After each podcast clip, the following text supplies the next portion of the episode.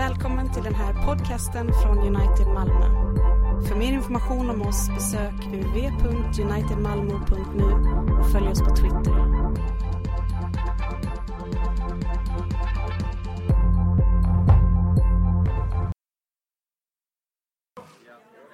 Då kör vi. Om kyrkans sakramentalitet. Det är alltså den tredje punkten. Vi har nu talat om ordet, om arvet och nu ska vi tala om kyrkans sakramentala liv. För att genom det sakramentala, när det öppnas för oss, så kommer tron att förankras och fördjupas. Annars så är det risk att den kommer att förflackas. Kolosserbrevet 2, 6, 7, det är där vi utgår ifrån. Liksom ni tog emot Kristus Jesus som Herren, så lev i honom. Låt det rotas och uppbyggas i honom och befästas i tron i enlighet med den undervisningen som ni har fått och överflöda i tacksägelse. Vi går till Lukas 24 och jag kommer att köra på ganska snabbt här nu, så häng med. Ett, en av påskens texter, Emmausvandrarna, som går där och de tror att allting är slut. Och se, två av dem var just den dagen på väg till en by som heter Emmaus. Ligger 60 stadier från Jerusalem och de gick och samtalade med varandra om allt som hade hänt. Och när de nu talade vid och överlade närmade sig Jesus och slog följe med dem. Men deras ögon var slutna så att de inte kände igen honom. Det här är fantastiskt. Vet du vad? Å ena sidan så är Jesus, han är mitt ibland oss.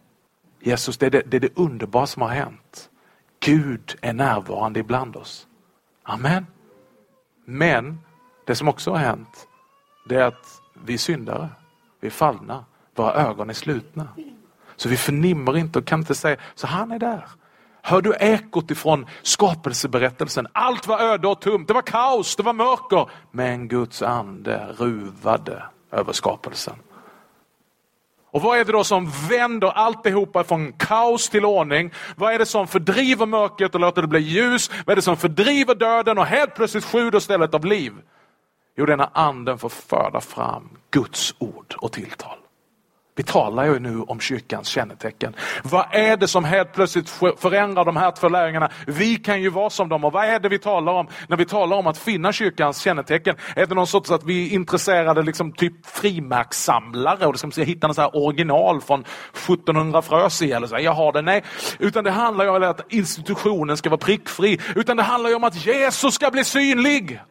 Det handlar ju om att vi är förtvivlade stackars människor som tror att allt är slut. Vi är som jorden, eller, eller eh, tillvaron och kosmos innan skapelsen. Allt är kaos, allt är öde, allt är mörkt. Vi har kastat in handduken, det är kört nu. Vi förnimmer inte att Guds ande är där och, och, och, och ruvar och håller på. Men vad är det då som förändrar? Vad är det som gör att vi känner igen honom? Kristi kyrkas kännetecken handlar inte om någonting annat än att göra Jesus igenkännlig? Ja, lärjungarna de svarar själv i sitt vittnesbörd när de möter de andra tolv, elva. Och själva berättade de vad som hade hänt på vägen. Hur han hade blivit igenkänd av dem. Vi kan hoppa till nästa steg. Det funkar inte. Okej, okay. det finns en innan dess. Där ja. Och själva berättade de vad som hade hänt på vägen och hur han blev igenkänd av dem. Och det här kyrkans kännetecken är ingenting annat än Kristi kännetecken. Hur ska vi känna igen Kristus? Vad är det som har fördrivit mörkret? Vad är det som har öppnat de igenslutna ögonen? Brann inte våra hjärtan när han talade med oss på vägen och öppnade skrifterna för oss? Vid ordet. Och när han låg till bords med dem tog han brödet, tackade Gud, bröt det, räckte åt dem. Då öppnades deras ögon och de kände igen honom. Ja, men det är ju underbart, eller hur? Känner du igen att vi har precis gjort det för en stund sedan? Var är det Jesus ger sig till känna? Genom ordet och vid bordet. Det är någonting som ända sedan den här stunden, dagen efter uppståndelsen, har följt genom kyrkans historia. Vi kommer till kyrkan, våra ögon är slutna, vi har kastat in handduken, allt är över. Hur blir han synlig? För han är ju där. Vi kan ju säga det, liksom. han är ju där. Men hur kommer han till oss? Hur får vi kontakt med detta? Genom ordet som tillsäger oss de goda nyheterna. Men också när han bryter brödet i nattvarden. Sakramenten. Det här är precis vad Paulus säger. Två stycken sammanhang i första Korinthierbrevet så tar Paulus i lite extra och Det är precis i denna linjen. Först i första Korinthierbrevet 15 ska vi titta. Jag vill påminna er om orden som jag förkunnade. Jag meddelade det allra viktigaste, vad jag själv hade tagit emot av Herren. Att Kristus dog för våra synder enligt skrifterna. Att han blev begravd, att han uppstod på tredje dagen enligt skrifterna. Och så låter det bekant det han har sagt några kapitel innan. Kapitel 11. Jag har själv tagit emot från Herren vad jag meddelade er. Den natt då Herren Jesus blev förrådd tog han ett bröd, tackade Gud, bröt det. Ni känner igen va? Det är ordet och bordet. Det är förkunnelsen och det är sakramenten. Det är precis samma sak, han talar om dem på samma sätt. Det jag själv har tagit emot från Herren, det meddelade jag er. Vad säger Augsburgska bekännelsen? För att vi ska få denna tro har evangelieförkunnelsens och sakramentsförvaltningens ämbete inrättats. Ty genom ordet och sakramenten, så, så genom medel skänkas den helige Ande, vilket hos dem som hör evangelium frambringar tron var och när det behagar Gud. Amen. Och så sammanfattar de och säger kyrkan är de heligas gemenskap i vilket evangelium rent förkunnas och sakramenten rätt förvaltas. Alltså vi är inte intresserade av kännetecknen per se. Vi är intresserade av att känna igen Jesus. Vi är intresserade av att få tag i Kristus. Det är ju den här tron som vi kämpar med allihopa, även om du kallar dig troende. Hur ska jag kunna tro? Jag kan tro liksom rent objektivt på, på Guds nåd, men Guds nåd att det gäller mig. Jag kan tro på syndernas förlåtelse som en teori, men när jag kämpar med min egen synd, när den är, griper mitt hjärta, hur kan jag bli förlåten? Det sker genom ordet och vid bordet genom sakramenten. Och du vet sakramenten de är lagda, Kristi kyrka är de heligas gemenskap och där i kyrkan, där händer det, där förkunnas evangeliet rent, där räcks oss sakramenten och förvaltas rätt. Vi måste förstå att de flesta av oss hade en relation med kyrkan innan vi hade en relation med Kristus. Ja? När man, när man renodlar det här uttrycket som man ofta gör i frikyrkliga sammanhang, vilket det finns något vackert men det finns också något missledande, en personlig relation med Jesus. Ofta så sätter man upp det och säger att det viktiga är ju ändå att man har en personlig relation med Jesus. Vilket ibland ekar att sitta hemma på rummet och liksom be lite själv och läsa Bibeln. Absolut inget fel på det, men om det är enbart det så har man missförstått. För att, hur ska vi få tag på Jesus utan kyrkan? Om du tänker efter så de flesta av oss, vi hade en relation, jag tror det är mer regel än undantag, att vi hade en relation med kyrkan innan vi fick en relation med Kristus. Vi lärde känna kyrkan först och genom kyrkan och kyrkans nådemedel så fick vi tag på Kristus. Det bör vara det vi eftersträvar. Amen. Att vi måste förstå att det är Kristus som har fått, eller det är kyrkan som har fått uppdraget att peka och säga, se Guds lam som tar bort världens synd i evangeliets förkunnelse och sen förmedla denna syndernas förlåtelse genom sakramenten. Så låt oss tala om sakrament. Var går kanalen? För du vet, när man är en västerländsk människa som bor i välfärdssamhället. Jag bor själv på tolfte våningen och eh, det är långt till marken. Och jag går in och utan att tänka på hur det går till så är jag beredd att bara vrida på kranen och så kommer det vatten. Jag blir förvånad när det inte gör det. Jag tänker inte på alla ledningar och var kommer egentligen vattnet ifrån? Liksom? Var har de samlat det? Är det i källaren eller var, var är det någonstans? Så jag vet ju att det finns någonstans men, men det är väldigt av, det, liksom, det, det är viktigt att det finns de här ledningarna som gör att vi faktiskt har inlagt vatten så att vi inte behöver gå som på Bibelns tid och hämta vatten. Utan det, det finns där, det finns en kanal ifrån källan dit jag är och som ger mig välsignelse. Och då skulle vi kunna använda det lite haltande bild man säga, vad är då Guds förmedlingskanaler? För vi vet ju att det som har skett på Golgata, det har skett för oss. Det har skett långt borta och långt ifrån oss i historien. Men vad är kanalerna? Så att vi får tag på det. Vad är kranarna som ger oss del av det blod som en gång utgjuts på Golgata? Är det att vi ska springa till Golgata? Nej, Golgata har kommit till oss. Varje gång vi är samlade så finns Jesu Kristi kropp och blod ibland oss sakramentalt närvarande. Amen. Bo Gertz igen. När vi talar om sakramenten så talar vi inte bara om nattvarden utan vi talar om dopet och vi talar om nattvarden. Och vi ska röra vid dem innan jag också ska tala om bikten och själavården. Men låt oss först citera yep, Gertz. Det är också värt att påminna om att inte sätta ordet och sakramenten upp mot varandra. Båda delar är en ström av liv från en annan värld som bryter sig sin väg in i vår fallna skapelse. Här har du ledningen, ser du det? Den här som kommer med det rena vattnet. Försummar man predikan är det ofelbart ett tecken på att man inlägger något falskt i sakramenten och skjuts sakramenten åt sidan så är det lika ofelbart bevis på att ordet inte längre tas emot på ett rätt sätt. Alltså det är inte antingen eller utan det är både och. Och det är ordet som är verksamt. Så egentligen kan man säga så här, det är inget annat än ordet, det hörbara ordet, det förkunnade ordet och det synliga ordet som kommer till oss i bröd och vin. Bröd och vin eller dopets vatten, det är bara vanligt kommunalt vatten och billigt vin köpt på Systembolaget som inte är någonting annat om det inte förknippas med Herrens ord. Alla här har badat men det hände ingenting med dig men att du blev ren på ytan, men snart får du göra om det igen. Men samma vatten under Herrens instiftelseord, det utverkar någonting. Bröd kan alla äta, små kex och du tänker inte att det är något speciellt. Men i samma stund som instiftelseorden läses över dessa och de konsekreras så blir de bärare av någonting annat än bara vete. Du vet, straffet blev lagt på Kristus för att vi skulle få frid. Genom hans sår blev vi helade. Och du vet att där på Golgata så sticker soldaterna upp hans sida och så kan vi läsa att det flödar ut. Vad är det som flödar ut där? Sakramenten. Vatten och blod forsar ut.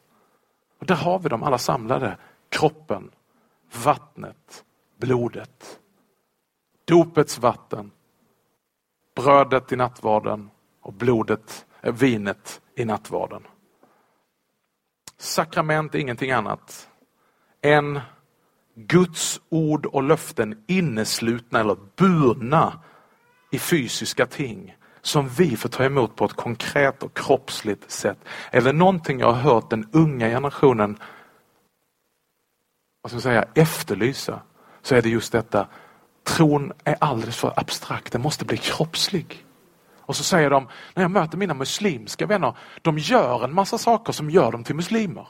Men vi har så betonat hjärtat så att nej, nej, nej, nej, nej, nej, nej, det är inget vi gör. Det är bara vad vi tror. Och det är klart att tron måste på något sätt materialiseras. När jag blir sliten av att hela tiden jaga mina känslor. Eller när jag bara försöker men får ingen upplevelse eller förnimmelse. Vad håller jag fast vid då? Finns det några ordningar och någon fasthet, någonting där tron materialiseras? Tecken som kan berätta för mig det jag inte kan känna. Jag har en ring här. Det finns ju inget som helst magiskt eller övernaturligt med den här ringen. Ändå är den dyrbar för mig. Den här ringen, om du undersöker den så är det ju bara liksom ädelmetall. Du kommer inte hitta någonting annat i ringen, men för mig är det någonting helt annat än ädelmetall. Det här är ett tecken. Det här är ett tecken som signalerar både till andra och påminner mig själv. Just det, jag är ju gift, jag är ju ett med en annan kvinna. Jag är inte ett för att jag bär ringen, utan jag bär ju ringen för att jag är ett med henne. Eller hur? Jag är inte mindre gift för att jag tar av den, men jag behöver den för att påminna mig själv och bära den. Den är dyrbar för mig. Så att om jag tappar bort den så blir det lite panik och när jag på hotellet börjar leta och så, så var la jag den, var la jag den? Det är liksom viktigt va? Been there? Kanske du har varit med om att du har suttit på en restaurang, kanske du kommer vara med om detta redan nu vid lunchen. Och så är det någon annan som har betalt för dig. Och du vet, om, när du ska gå ut och de andra har gått så säger de, ja, men ska du inte betala? Ja, fast det är någon annan som har betalt för mig. Jaha, dra den om rödluvan också. Har du något bevis på det? Och då kan du säga, nej men det, det, det kändes som att han menar vad han sa. Ja, men jag har en djup upplevelse att han kan man lita på. Ja, du vet, vi driver inte business så. Du måste visa någonting fysiskt, någonting materiellt, typ ett kvitto som man får när man har betalt. För det är ett tecken. Ett kvitto är ett tecken på att man har betalt. Så jag kan hålla upp kvittot och därigenom gå fri. Halleluja, det är det som är sakrament. Sakramenten är tecken. Det är inte sakramenten som frälser oss. Det är sakramenten som hjälper oss att tro att vi är frälsta. Amen. Det är kvittot. Vi är väldigt noga, så tänk inte så här att du är så himla abstrakt och andlig. För det är du inte i vanliga livet. För när du sitter och ska skriva på liksom din lägenhet här nu, du har köpt bostadsrätten eller någonting, så, så är det inte så här att du säger, nej, nej, men kontrakt det där är sådana här världsliga ting. Alltså. Det känns som att vi ändå har kopplat här, liksom, att vi, vi är on speaking terms. Det, det, det räcker för mig. Alltså. Det känns gott här inne. Jag är helt övertygad i hjärtat om att det här är min lägenhet. Du är dum i huvudet. Det är ju ingen som gör så. Och du är inte dum i huvudet, för det är ju ingen som gör så. Vänta, jag måste ha det på papper är otroligt viktiga. Papper är ju egentligen bara papper. Alltså om vi tittar på det rent faktiskt. Det är ju sketet bläck. Och så, varför säger jag så? Det är ju bläck och eh, vanligt papper och grejer och sånt här. Liksom. Det är ju ingenting i sig och ändå är det dyrbart och ändå låser du in det i dokumentportföljen. Ändå har du det där på ett speciellt ställe i en plastficka. Så det, det får inte försvinna för att det, är, det ligger ett enormt värde i pappret. Men undersöker du pappret så är det inte värt ett smack. Inte ett öre är det värt. Men vad det representerar är ett tecken på är värt hur mycket som helst. Amen. Detta är det sakramentala, så säg inte till mig, jag är inte sakramental. Det där är för mycket hokus pokus. Det är inte ett dugg med hokus pokus. Än dina kontrakt där hemma. Än en vigselring. Att det signalerar och står för någonting mer. Men sen är det ett under som går över allt förstånd som inte vårt sinne kan omfatta utan vi får omfattas av det. Och det är detta, för det är ingen av oss som kan förklara hur Gud blev människa. Men tror du på det? Men du tror inte på det för du kan förklara det, utan din förklaring är, han är Gud. Skriften säger det till mig. Att Gud, universums skapare, han som själv har skapat skapelsen, han kliver in i skapelsen. Alltså att tro att Jesus kommer till oss genom bröd och vin, det är lätt i jämförelse med att Gud har klivit in i Marias livmoder. Att han har fötts fram på naturlig väg. Om han inte har gjort det, då faller allting. Att han har dött i en fysisk kropp. Att han har blivit begravd i en fysisk grav och att han fysiskt har klivit ut ur den graven och därför är han närvarande. Mitt ibland oss, i sitt ord och vid sitt bord. Brödet är ingenting annat än bröd. Nej, vi tror inte att det förvandlas. Utan det är bröd och Kristi kropp samtidigt. Simul. Är du med? Ja men det är inte bröd. Jo. Ja men du sa det var Jesu, kropp. Jesu kropp. Ja. Eller hur? Det är ju som du, om du hade mött Jesus, han som växte upp i Nasaret. Och du mötte honom och säger, okej, okay, var tar Jesus snickaren från Nasaret slut och var börjar Gud? Det är för vår förmåga helt oskiljaktigt. Är du med? Utan han är förenad. Och så är det också när vi kommer till brödet så säger men är inte det här bröd? Jo. Men du menar att det blir någonting annat sen? Nej. Det är bröd innan, det är bröd under, det är bröd efter. Men det blir också Jesu kropp.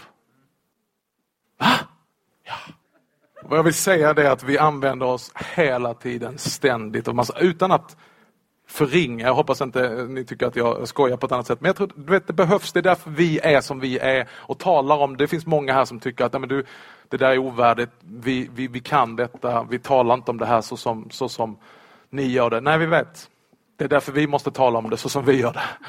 Så att det kommer utanför så att det inte bara blir us for no more. Utan att det, det liksom går vidare. Att vi liksom försöker lyfta det och ge det vidare. Men vi har den största vördnad och den största respekt för dessa medel som är nådens medel. Där nåden kommer till oss.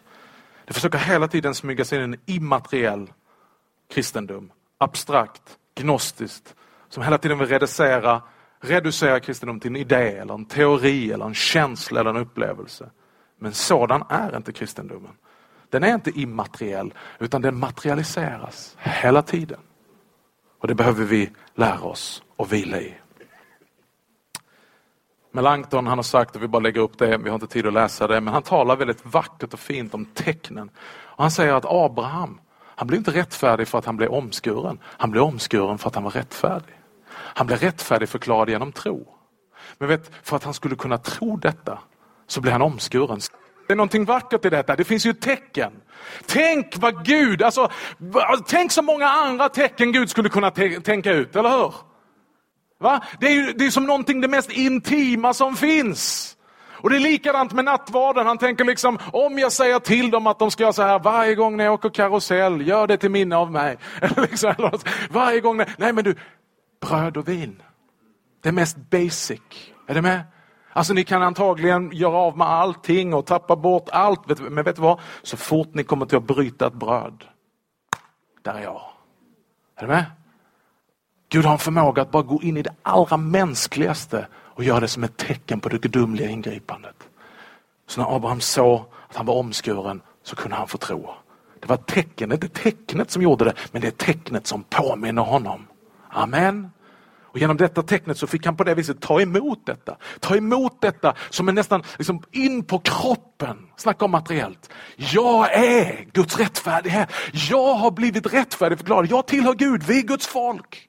Och därför så är man noga med detta. Att alla ska omskäras. Vi är Guds folk, detta är tecknet. Och vi vet att vi har fått sådana tecken. Vi tackar Gud för att vi har liksom uppgraderat programvaran. Det är inte omskärelse så som Abraham och grabbarna fick göra det, utan nu får jag en omskärelse av hjärtat genom vatten, dopets vatten. Är du glad för den uppdateringen?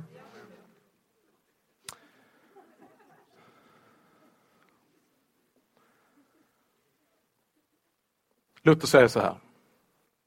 Om syndaförlåtelsen talar vi på två sätt. Å ena sidan om hur den förvärvats och vunnits, å andra sidan om hur den utdelas och skänkes. Alltså, tänk på två ord. Förvärvning, förmedling. Var fullbordades den? Ja, den fullbordades inte här i morse. Den var fullbordad för 2000 år sedan. Men hur når den mig idag? Jo, den förmedlas genom bröd och vin, i dopets vatten, i ordet om evangeliet. Att Kristus erövrat den på korset är sant. Men han har inte utdelat eller givit den på korset.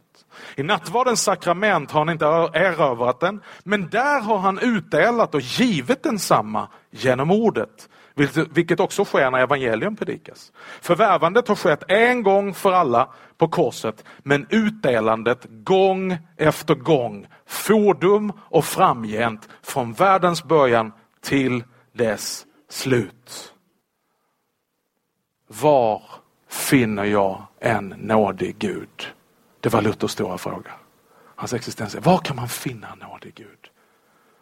Det är lite som ekot när kvinnorna kommer till graven och de säger, var kan vi finna Jesus? Och då säger änglarna, han är inte här. Men det är så att vi skulle kunna se i skriften att vi skulle kunna tänka att de skulle peka på skriften på ordet och på bordet och säga, han är inte här, han är där. Och svara på Luthers fråga. Han får detta svar.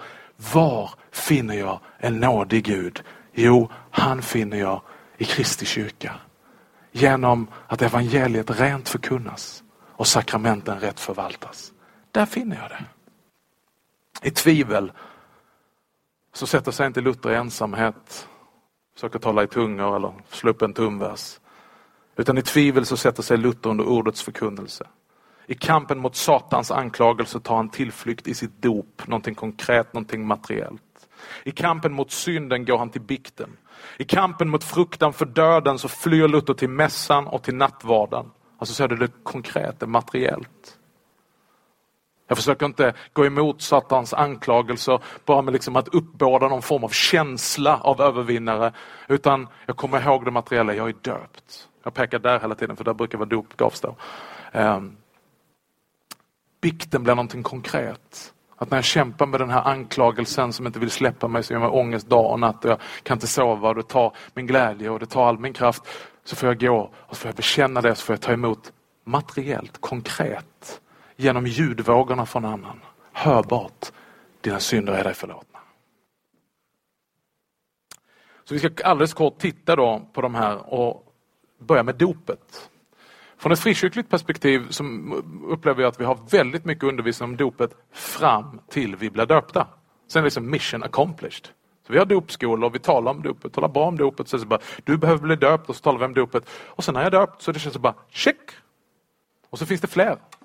liksom, grejer. Nu, nu, nu, nu, nu gå vidare. Men dopet, det är ju någonting jag ska leva i hela mitt liv.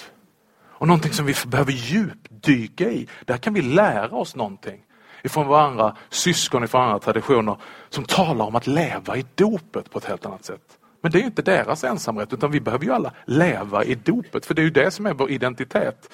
Du vet, ett återkommande ord som jag tror finns över 140 gånger i Paulus skrifter det är i Kristus.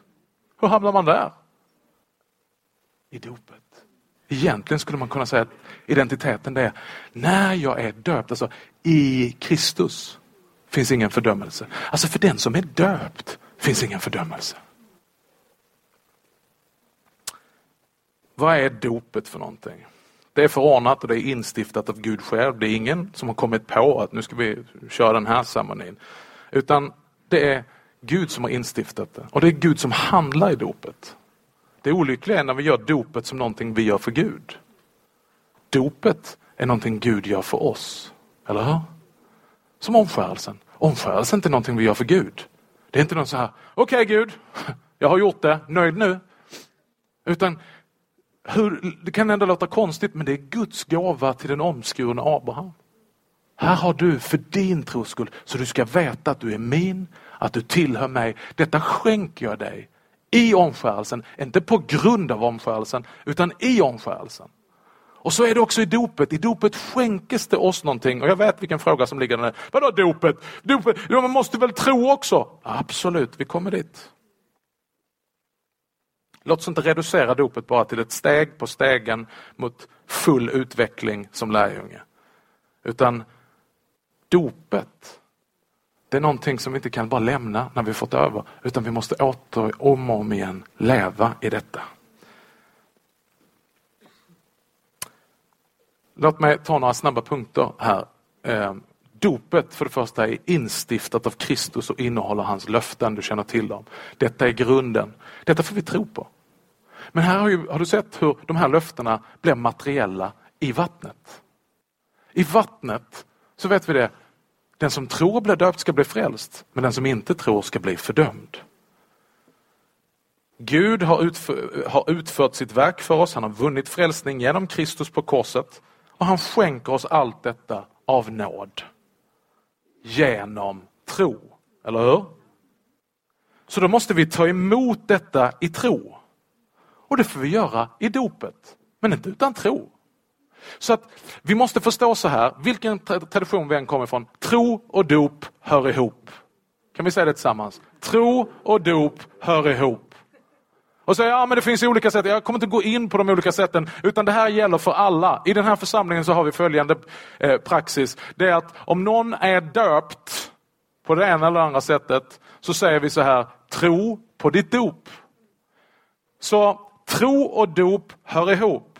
Den som tror behöver ett dop. Och den som har ett dop behöver tro på sitt dop. Det är så enkelt. Är du med? Så att jag, jag har tro! Underbart, låt den tron ta emot Guds gåva i dopet. Eller som säger, nej men jag är ju döpt. Ja men jättebra, tro på ditt dop. För tro och dop hör ihop.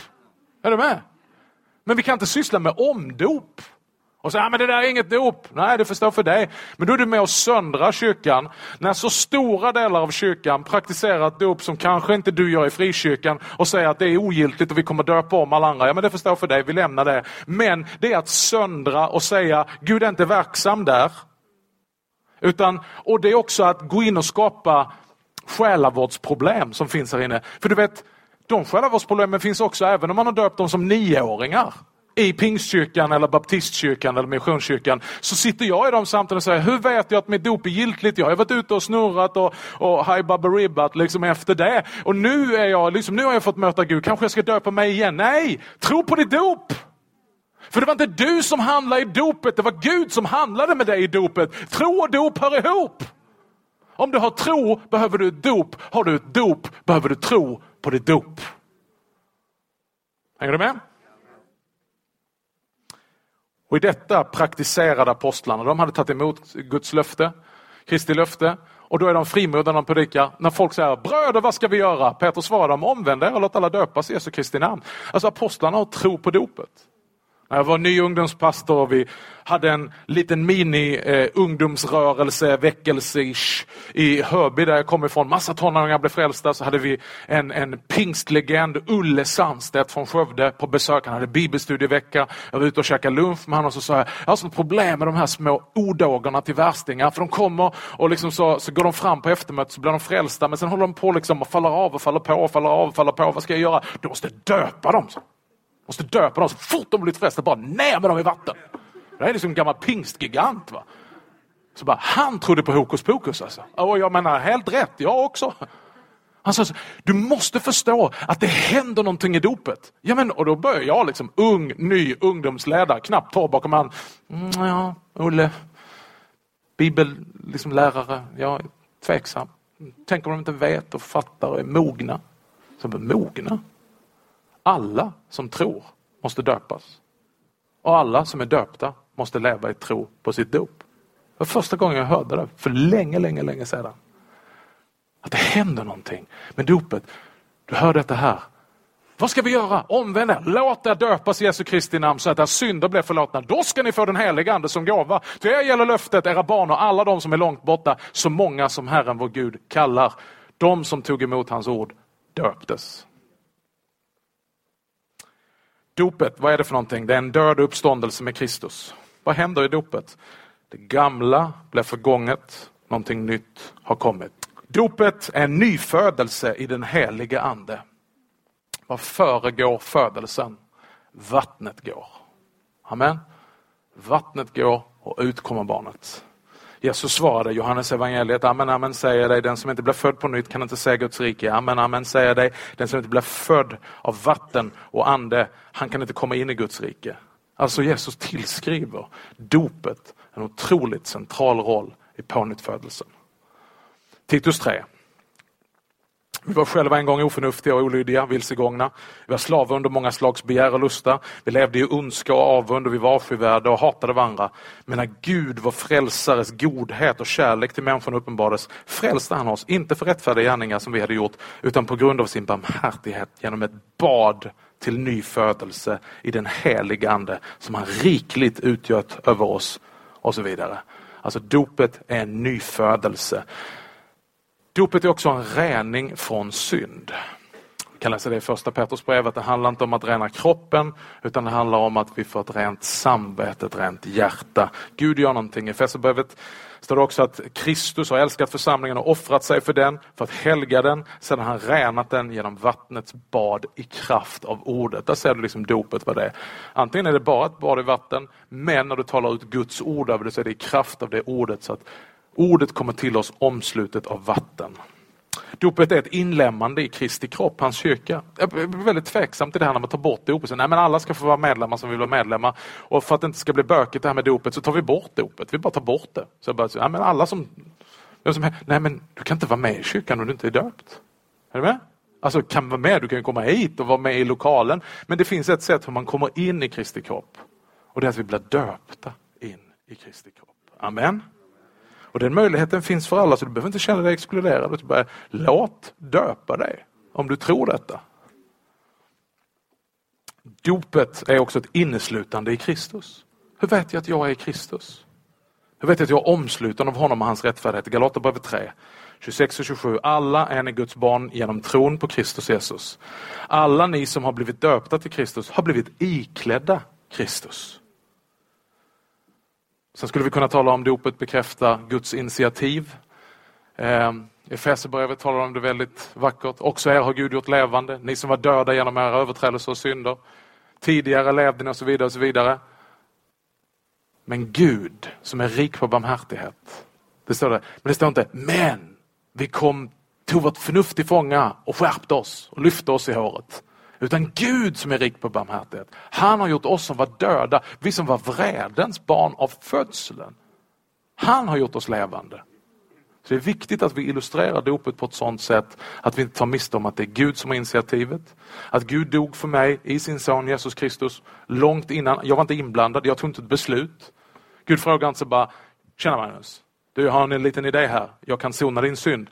Jag kan inkarneras. Min son blev född som människa av Maria. Han kommer inte vandra omkring, jag är till alla. Och sen eh, en, en, en, en sorglig lång fredag så kommer han till dö på ett kors för dina synder. Sen kommer han dö och så uppstår, vill du ha det här? Du kan ta ett beslut om detta. Tycker du det låter bra? För du kan liksom bara bestämma dig för detta i så fall. Eller? Jag var inte med och tog det beslutet. Är du med? Jag får liksom tona ner lite grann det här. Jag har tagit beslut. Ja, men jag har beslutat. Nej, Gud beslutade. Amen.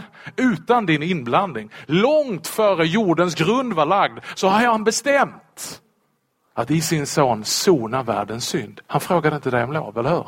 Han tog initiativet. Halleluja. Dopet är ett enda och kan eller behöver inte göras om. Det finns någon som behöver höra det här inne. Är du med? Istället för att tänka att det är ett problem så behöver du tänka att det här är en tillgång. Det här är en tillgång.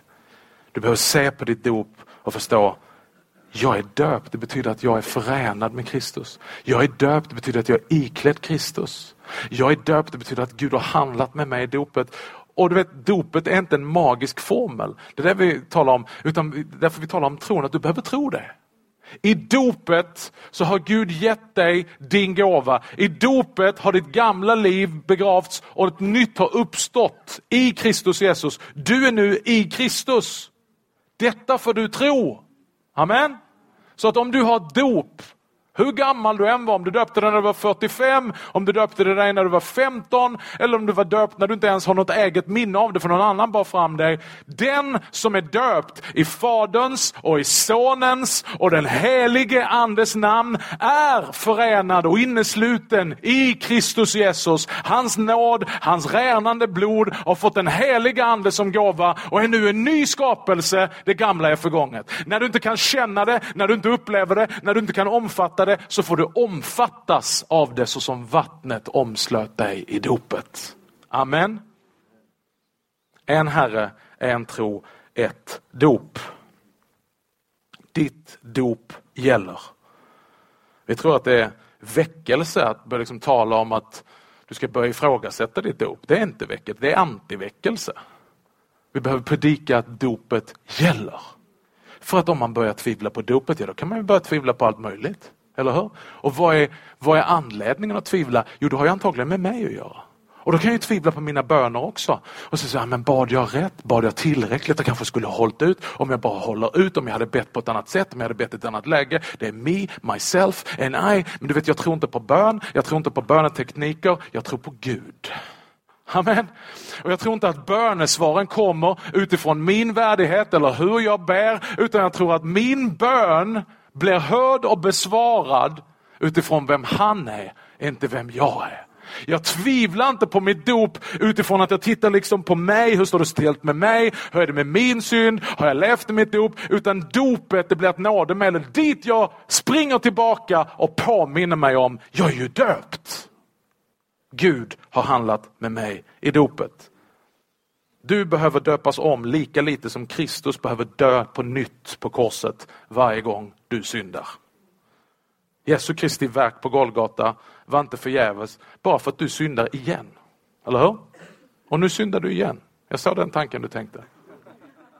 Det är inte så att vi behöver korsfästa Kristus varje gång du syndar, utan det är en ständigt flödande källa av renande blod. Ett offer en gång för alla som har sonat din synd. Precis på samma sätt är det med dopet. Du kan inte springa och döpa dig varenda gång du har haft en sexuell tanke. Ditt dop gäller. Den är en objektiv grund för din tro. Någonting som Gud har gett dig i dopet. Ta vara på denna gåva.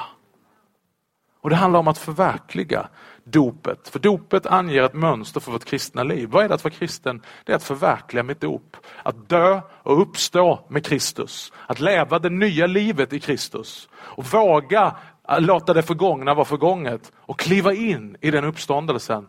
Så dopet är inte färdigt där bak, utan dopet är någonting som jag förverkligar genom hela mitt kristna liv. För är det inte det Johannes döparen säger? Det är precis som sig bör. Jag ska bli mindre och han ska tillta.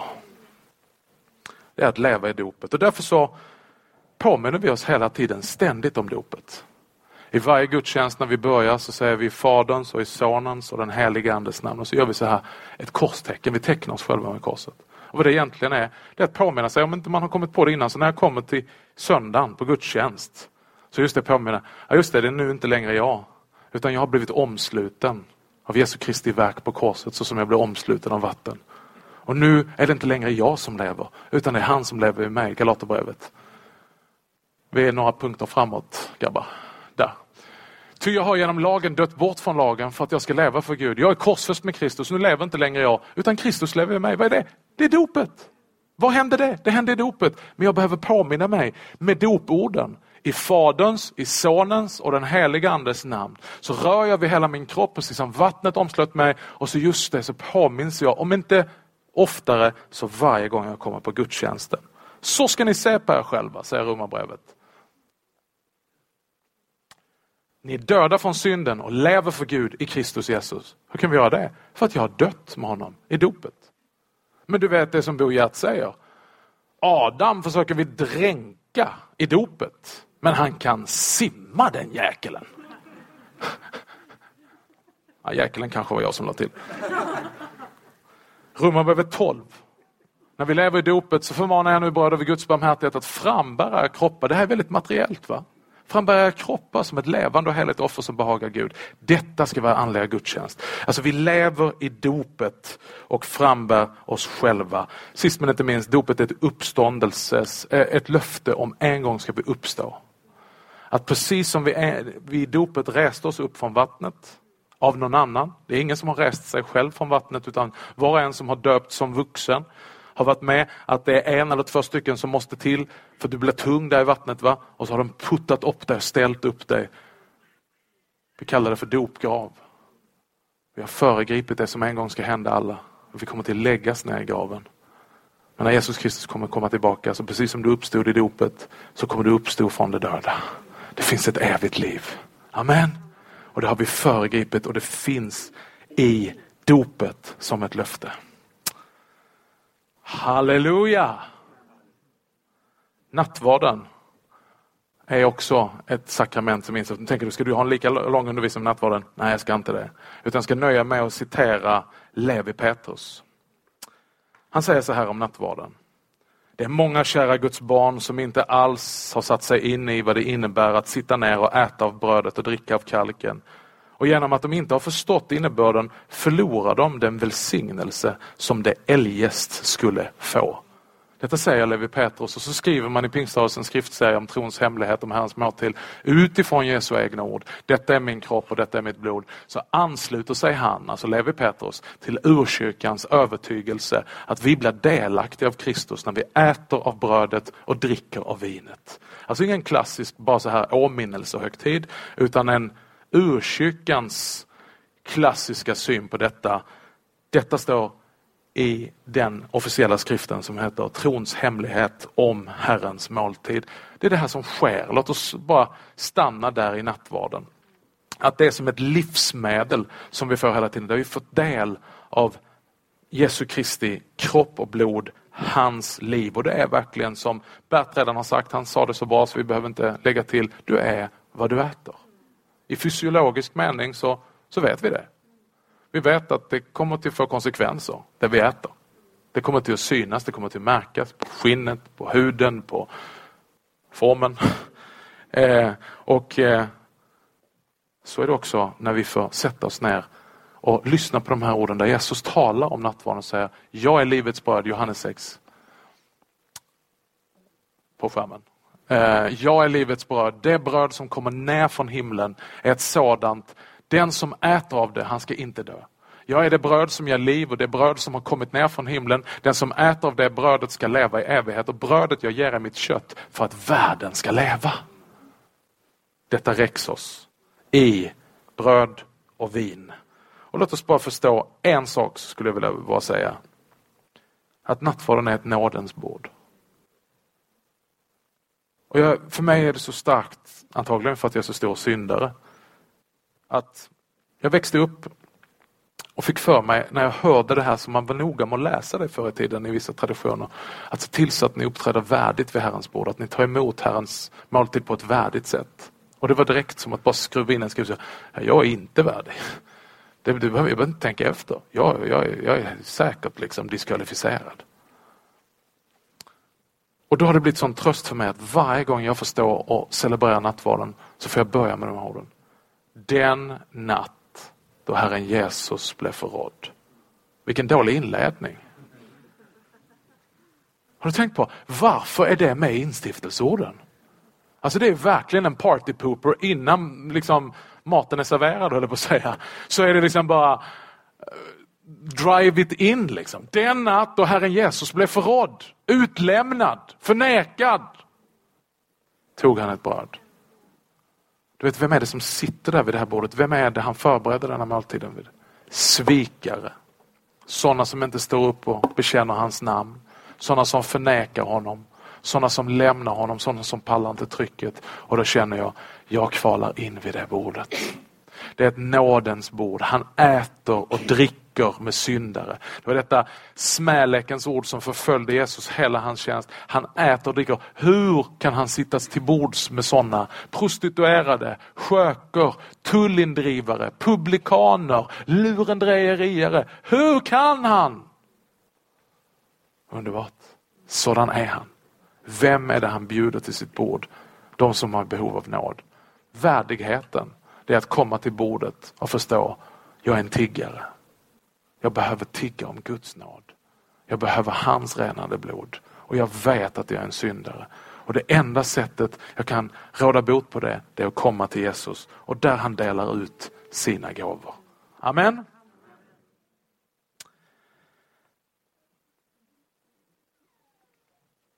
Låt mig säga någonting kort om bikten. Vi har åtta minuter kvar. Orkar du lite? Matteus evangelium 9. Det förde till honom en laman som låg på en bädd. Då han såg deras tro sa han till den lame, var vid gott mod mitt barn, dina synder är förlåtna. Det här är en fantastisk bild av hur det kan vara att vara förlamad av sin syndaskuld förlamad av sitt dåliga samvete. Och Martin Luther i en huspostilla, alltså en predikan, han säger så här. I denna dagens evangelium bör vi i synnerhet lägga märke till den nåderika predikan som Gud har låtit komma oss till del. Nämligen att vi här på jorden kan säga till varandra, dina synder är dig förlåtna. Ty det är sanningen stor makt att en kristen har rätt att säga det till den andra. Min broder var inte förfärad. Du har en nådig Gud. Tro blott den försäkran som jag nu i Jesu namn ger dig. Det är lika säkert att dina synder är förlåtna som om Gud själv hade sagt det till dig. Denna makt har vi som hör eh, har vi, eh, denna makt har som vi hör kommit till världen genom Jesus Kristus och den har sedan blivit kvar hos människor. I synnerhet gäller detta de som har ämbetet och har uppdraget och ska förkunna evangelium. Det är bättring och syndernas förlåtelse i Jesu namn. Det här är underbart om man är lam. Det här är underbart om man känner den här förlamningen som skuld kan ge en.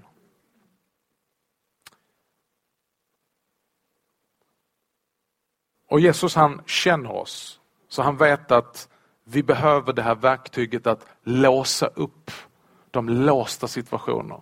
Är det någonting som kan låsa oss för varandra och låsa oss för Gud, så är det den här ångesten och nöden.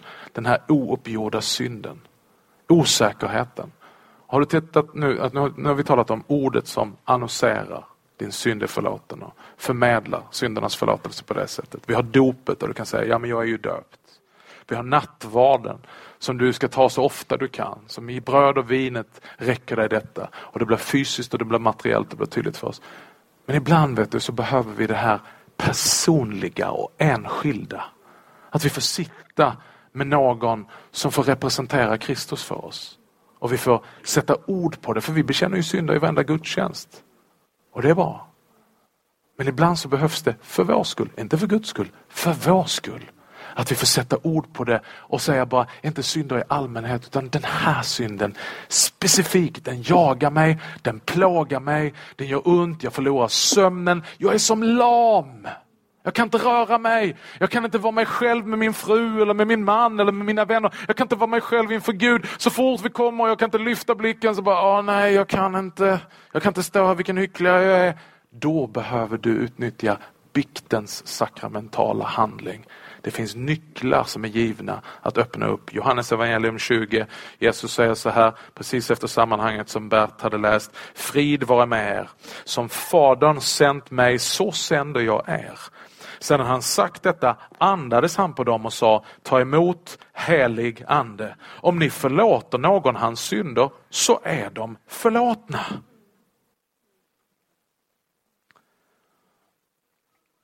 Nyckeln, den nämns också i Matteus 16. Och I Matteus 16 så talar de om att bygga församling. Jesus ska bygga sin församling. Och så står det att han ger oss nycklar. Alltså du vet, det här redskapet, det är ett församlingsbyggarverktyg. Finns det några församlingsbyggare här inne? Han är så trötta nu så ni orkar knappt lyfta handen. Men det är helt okej.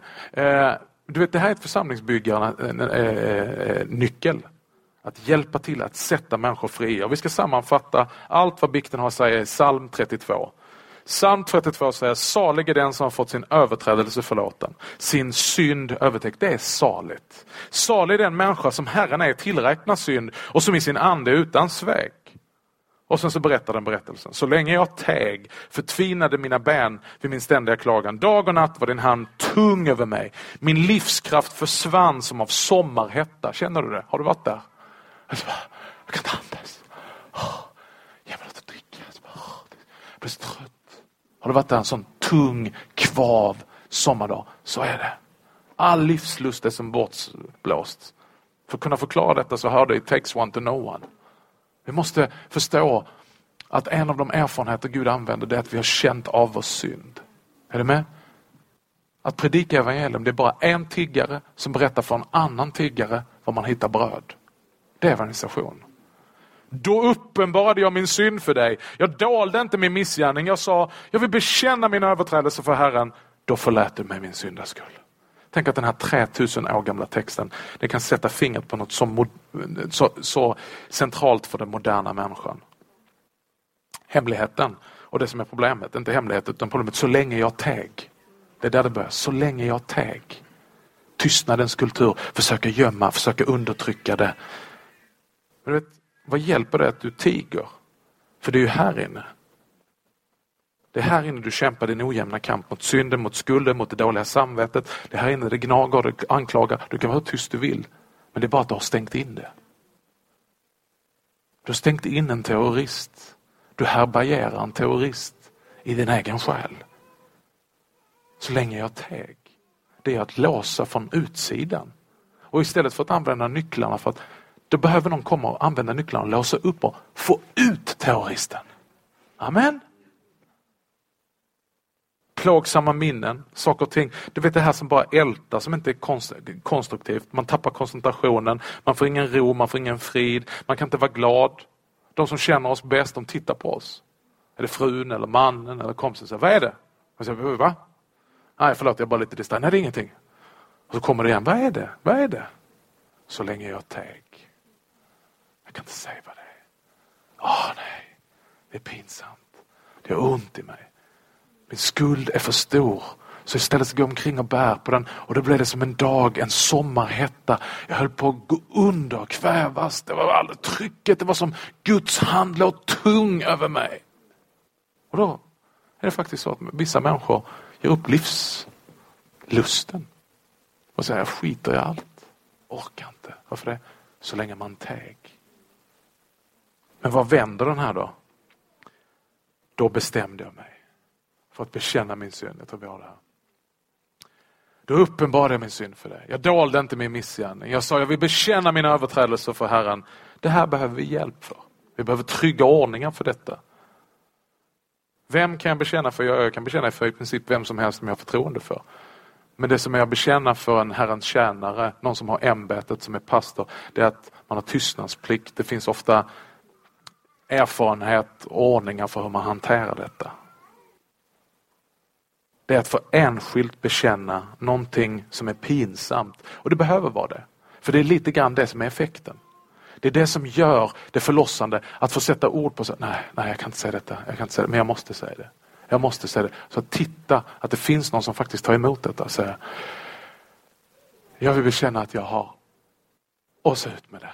Och då kommer det här då är det som tusen ton lättar från mina skulder. Men låt oss inte göra det för känslomässigt. För då kommer du till att försöka orientera dig. Nej, men jag kände ingenting. Det har inte med känslan att göra. Det är mycket troligt att det kommer en känsla som kommer till att förlösa dig. Men det är framförallt tron. Precis som att Jesus skulle sitta framför dig och säga detta, så har han gett nycklarna så att vi får göra detta. Jag vet att det här är väldigt begränsat, att det är snuttifierat, men vi hade lite mindre tid idag.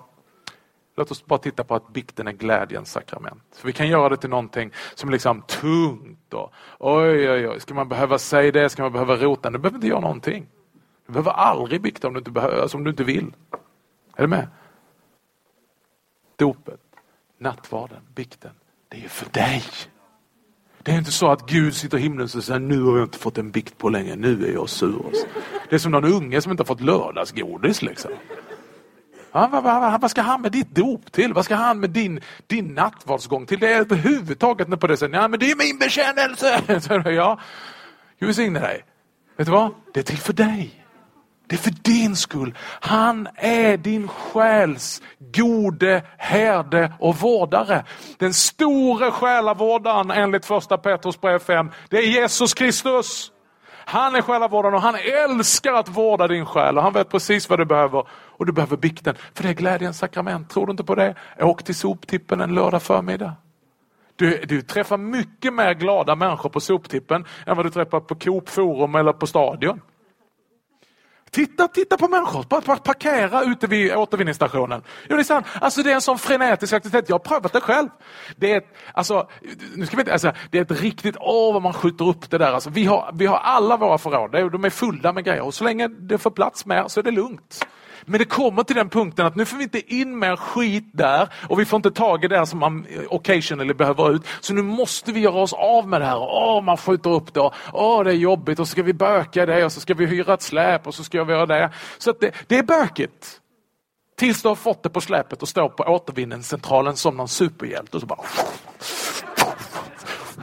och så bara känner du för varje grej du har kastat, den här gamla Commodore 128 som är liksom som ett ton och bara stått där inne och du bara tänker, jag är dum i huvudet. När tänkte jag att jag skulle få användning för det här? Varför har jag behållit den? Jag har tagit upp två kvadratmeter av min lägenhet. Det är 17 procent. Alltså, varför har jag gått och hållit på detta? Varför? Ja, så länge jag teg! Men det är ju underbart att bara få hiva den rakt ut där och så. Woho! Det finns glädje på återvinningsstationen på soptippen. Den soptippen heter i kyrkan biktens glada sakrament. Precis som det tar i att börja vårstäda och tömma förråden så tar det i när man lite grann så, nej men jag kan ha det där lite, vi kan trycka ner det lite till. va. Vet du vad? Men så bara bestämmer man sig, nej nu är det dags. Och så upp, åh det är ont, och det är ont och så bara ah, glädje. För det är också ett hälsosamt hygienarbete. Bikt handlar om hälsa. Det är att hålla den dagliga hygienen. Att se till att det inte blir infektion. Att det inte är någonting som skadar dig utan rena och rensa.